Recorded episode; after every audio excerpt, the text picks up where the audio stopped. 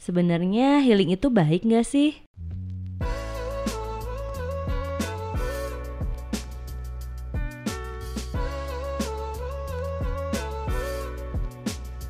Hai, Assalamualaikum. Kembali lagi di podcast Positif Istri bersama Lulu dan Leni.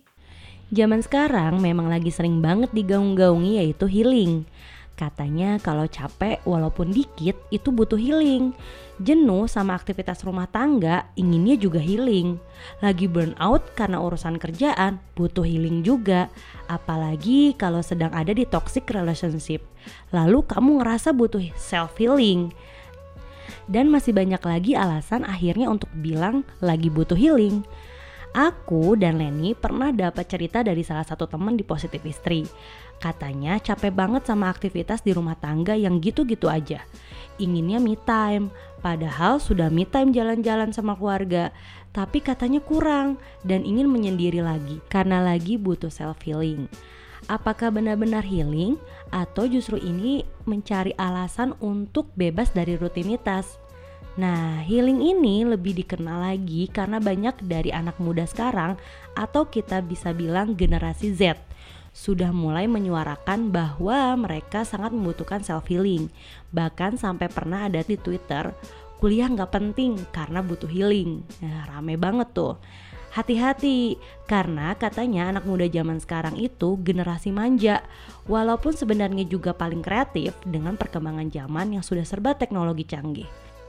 Walaupun kita bukan generasi Z atau anak muda zaman sekarang, atau mungkin di sini ada juga sih pendengar kita yang generasi Z, bisa jadi. Hanya sebagian dari kita yang sudah menikah, punya anak, juga ikut-ikutan untuk selalu bilang butuh healing. Jadi sebenarnya aku butuh healing atau enggak sih? Sebelum kita bahas tentang healing, kita perlu mengenal dulu nih. Sebenarnya kita ini generasi yang besar atau tumbuh pada zaman seperti apa sih? Mungkin generasi Z ini dididik dengan manja karena tumbuh di zaman yang perekonomian sudah sejahtera. Kalau kita generasi lahir di tahun 90-an, tuh generasi yang dididik pada zaman peralihan perekonomian. Sehingga kebanyakan orang tua jadi menaruh ekspektasi yang tinggi buat anak-anaknya. Dan kalau gagal akan malah berbalik untuk menyalahkan dan memarahi karena nggak bisa merealisasikan harapan itu. Karena ekspektasi yang mungkin agak tinggi itulah anak 90-an yang sekarang udah menikah dan punya anak juga turut merasakan beban yang berat membuat harus sempurna. Dari segi kemapanan, tingkat kesuksesan, finansial, sampai memiliki keluarga yang harmonis. Sudut pandang yang kedua, katanya sih ini berhubungan dengan media sosial. Kok bisa? Media sosial ini banyak mengubah kehidupan generasi saat ini. Kalau kita perhatikan, media sosial saat ini tuh cuma buat selebrasi keberhasilan, flexing, atau pamer sesuatu.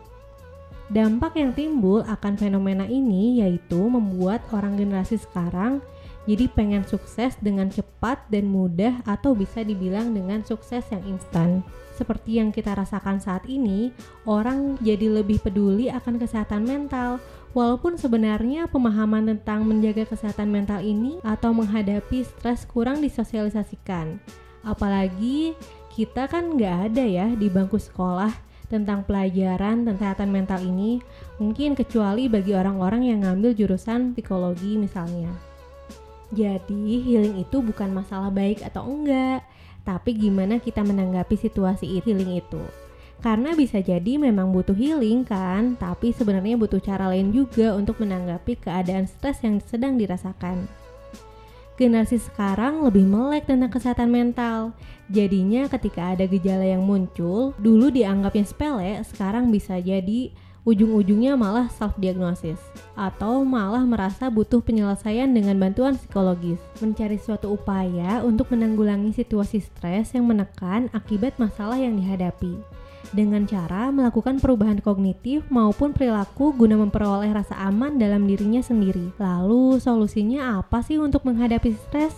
Nah, banyak orang menganggap healing itu berarti harus liburan ke suatu tempat atau refreshing ke alam atau ke tempat wisata apa pun. Sebenarnya itu juga nggak sepenuhnya salah, tapi cara menghadapi stres nggak cuma dengan liburan seperti itu kok. Tentunya banyak hal mudah yang bisa dikerjakan. Hal gak semua stres harus healing dan gak semua healing karena stres. Healing adalah salah satu metode dalam penanganan masalah. Salah satu yang lain yang bisa dilakukan dengan cara fokus buat ngurangin stres itu atau nyelesain masalah dengan mengalihkan perhatian kamu dari sumber masalah itu. Ada banyak yang bisa dikerjakan seperti meditasi, journaling, mindfulness, nangis bahkan, atau bahkan curhat ke orang yang bisa bikin kamu nyaman. Ya intinya adalah berfokus untuk mengurangi stres atau menenangkan diri sejenak. Tidak ada salahnya kok jika ingin healing, berlibur ke suatu tempat, bahkan sesekali itu diwajibkan untuk menyegarkan pikiran kita yang mungkin udah stres banget. Tapi balik lagi, gak semua permasalahan atau stres yang kamu hadapi itu harus ditangani dengan healing. Fokuslah pada pengendalian emosi agar terkontrol dengan baik emosi kamu. Nah, buat teman-teman yang merasa sendirian dalam perjuangan menjadi istri dan ibu, terus juga lagi butuh healing nih karena tidak punya support group yang positif, yuk kita kuatkan peran kita bersama. Ikuti program Positive Circle untuk kamu yang merasa butuh lingkaran positif dalam menggapai ridho Allah.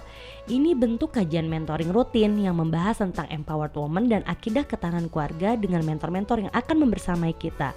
Dan juga ada program Positive Wife untuk kamu yang ingin mengasah peran istri dan peran ibu ditemani dengan mentor yang expert di bidangnya. Tentunya support group yang sefrekuensi juga. Yuk ditunggu bergabung di Positivistry. Sampai jumpa di podcast selanjutnya. Assalamualaikum warahmatullahi wabarakatuh.